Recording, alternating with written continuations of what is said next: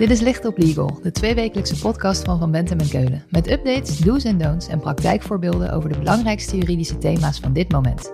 Pragmatisch vertaald naar de impact op jouw organisatie. Gebracht door onze eigen experts.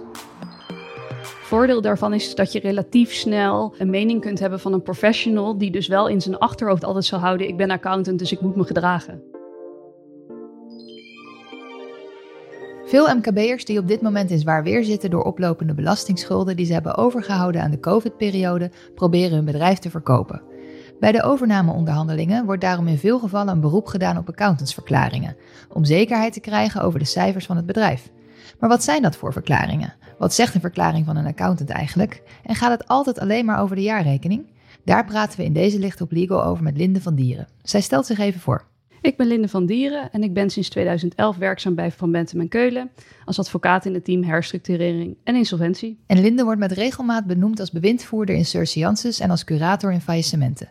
Daarnaast houdt Linde zich bezig met complexe aansprakelijkheidsprocedures tegen bestuurders, commissarissen en accountants. Linde, vandaag praten we over die laatste groep, accountants en hun verklaringen. Even naar de basis. Wat is zo'n accountantsverklaring en welk doel heeft het? Nou, vaak gaat het over een uh, check op de cijfers. Um, dat zie je natuurlijk vaak bij jaarrekeningen. Voor grote bedrijven is dat verplicht. Um, dit wordt altijd gedaan in de opdracht van een bedrijf. En het doel is eigenlijk om enige mate van zekerheid te krijgen over de gecontroleerde gegevens, vaak cijfers. Dus het gaat om zekerheid. Dat andere partijen dan het bedrijf zelf kunnen vertrouwen op de cijfers die het bedrijf afgeeft. Ja, zeker. Oké, okay, en wat voor soort verklaringen kan een accountant afgeven? Nou, dat hangt eigenlijk van de opdracht af die aan hem wordt gegeven. Je hebt verschillende soorten opdrachten. Aan de ene kant de niet-assurance opdrachten en aan de andere kant de wel-assurance opdrachten.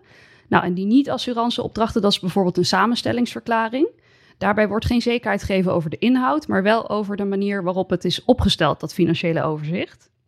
En dan zijn er drie soorten uh, wel-assurance opdrachten. Dat is de controleopdracht. Daarbij wordt een redelijke mate van zekerheid gegeven over de inhoud van de cijfers. En dan de beoordelingsopdracht. Dat, uh, daarbij wordt een beperkte mate van zekerheid gegeven.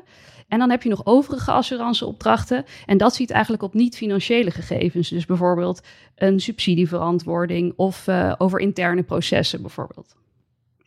Uh, nou, en uit deze werkzaamheden kunnen dan drie soorten verklaringen komen. Namelijk de samenstellingsverklaring, de beoordelingsverklaring en de controleverklaring. Laten we bij de eerste beginnen, de samenstellingsverklaring.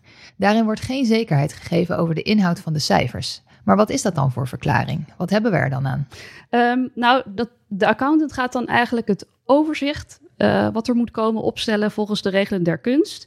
En die gaat dat doen met informatie die is aangeleverd door het bestuur. En wat krijg je dan uiteindelijk? Een overzicht wat dus correct is opgesteld, maar eigenlijk over de inhoud weet je nog niet zoveel. Dus je weet dan dat wat er op papier staat is opgeschreven volgens de regels, maar niet meer dan dat. Ja. Dan sprak je ook over de assuranceverklaringen. Assurance is natuurlijk een chic woord voor zekerheid. Daar zijn twee soorten van: de beoordelingsverklaring en controleverklaring. Vertel. Nou, dan heb je dus die beoordelingsverklaring. Uh, dat is eigenlijk, dan gaat de accountant wel kijken naar de cijfers en die gaat er wel iets over zeggen, maar die gaat niet zeggen dat het helemaal klopt. Um, die, en die verklaring is eigenlijk ook negatief geformuleerd. Bijvoorbeeld, niets is gebleken waardoor hij zou moeten concluderen dat het financieel overzicht geen getrouw beeld geeft. Dus beperkte mate van zekerheid. En dan heb je de controleverklaring. Daarbij wordt dus een redelijke mate van zekerheid gegeven. Dat zit dus vaak bij een jaarrekening. Um, en daarbij wordt dus veel beter gecontroleerd, maar hij gaat nooit een garantie geven, die accountant. En dat komt eigenlijk omdat in een jaarrekening bijvoorbeeld zitten aannames nou, en, en schattingen. Hij kan nooit zeggen dat die helemaal correct zijn. Dus dat zal hij ook niet doen. Begrijp ik het dan goed dat bij zo'n controleverklaring de accountant veel meer toegang krijgt dan alleen de informatie die wordt aangeleverd? Zeker, en dan moet hij ook zelf informatie gaan verzamelen. Dus dat is e-, e-, echt een veel grotere, eh, grotere verplichting ook voor die accountant. Ja, dan gaat hij echt meer onderzoek doen. Ja, zeker. Nu denken we bij een accountantsverklaring meestal aan de controle op de jaarrekening. Maar je sprak er net ook over dat accountants over andere dingen verklaringen kunnen geven. Kan je daar wat meer over vertellen? Ja, uh, zeker. Dus, dus dat is eigenlijk het leuke ook eraan dat een accountant veel meer dan dat kan. Je kan bijvoorbeeld ook denken aan het controleren van een ander financieel stuk en daar dan een beoordelingsverklaring over krijgen. Bijvoorbeeld in het kader van een overname. Als je de laatste jaarrekening is altijd best wel oud. Dus dan wil je misschien die uh, cijfers in de tussentijd. Uh, die krijg je dan van het bestuur. Maar dan wil je eigenlijk dat een accountant er ook nog wat over zegt. Over de inhoud daarvan.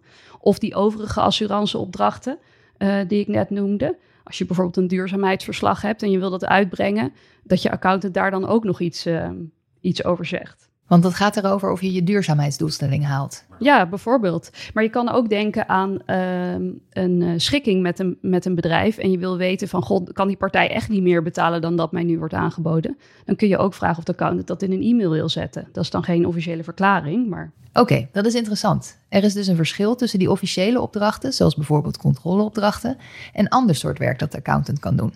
Dat laatste is aan minder regels gebonden. Dat lijkt mij vrij schieten. Wat heb je daar dan aan? Ja, uh, dat klopt. Er zit het voordeel aan dat de accountant veel sneller iets kan zeggen en veel minder regels hoeft te volgen. Aan de andere kant gaat een accountant, omdat het een professional is die aan bepaalde regels is gehouden, natuurlijk nooit zomaar iets zeggen. Dus hij zal altijd uh, wel daarbij in zijn achterhoofd houden: ik ben accountant en dus uh, onderwerp van eventueel accountant, stugrecht en aansprakelijkheid als die helemaal uit de bocht vliegt. Kortom, ook in de gevallen dat het geen officiële opdracht is, moet een accountant zich aan de beroepsregels houden. Maar dan nog, wat is zo'n lossere versie dan waard? Nou, dat is uiteraard minder waard, want er wordt minder zekerheid gegeven. Maar het voordeel daarvan is dat je relatief snel uh, een mening kunt hebben van een professional, die dus wel in zijn achterhoofd altijd zal houden: ik ben accountant, dus ik moet me gedragen. Linde, om af te sluiten. Als er nou één ding is wat we moeten onthouden, wat is dat? Nou, dat de accountant meer doet dan het controleren van een jaarrekening. Dus heb je een uh, specifiek overzicht, al dan niet met financiële informatie erin, en wil je daarover een oordeel krijgen van een onafhankelijke partij, dan kun je daar ook een accountant voor vragen. Linde, dankjewel. Als we meer willen weten, waar kunnen we dan terecht? Je kan mij mailen op lindevandieren.vbk.nl of bellen. Mijn nummer staat op de website. Dit was Licht op Legal, een podcast van Momentum en Keulen. Te beluisteren via Spotify, Apple Podcasts of je eigen favoriete podcast-app. Wil je meer weten? Heb je suggesties voor een onderwerp? Of wil je dat onze experts hun licht laten schijnen op jouw juridisch vraagstuk? Laat het ons weten via vbk.nl/slash lichtoplegal.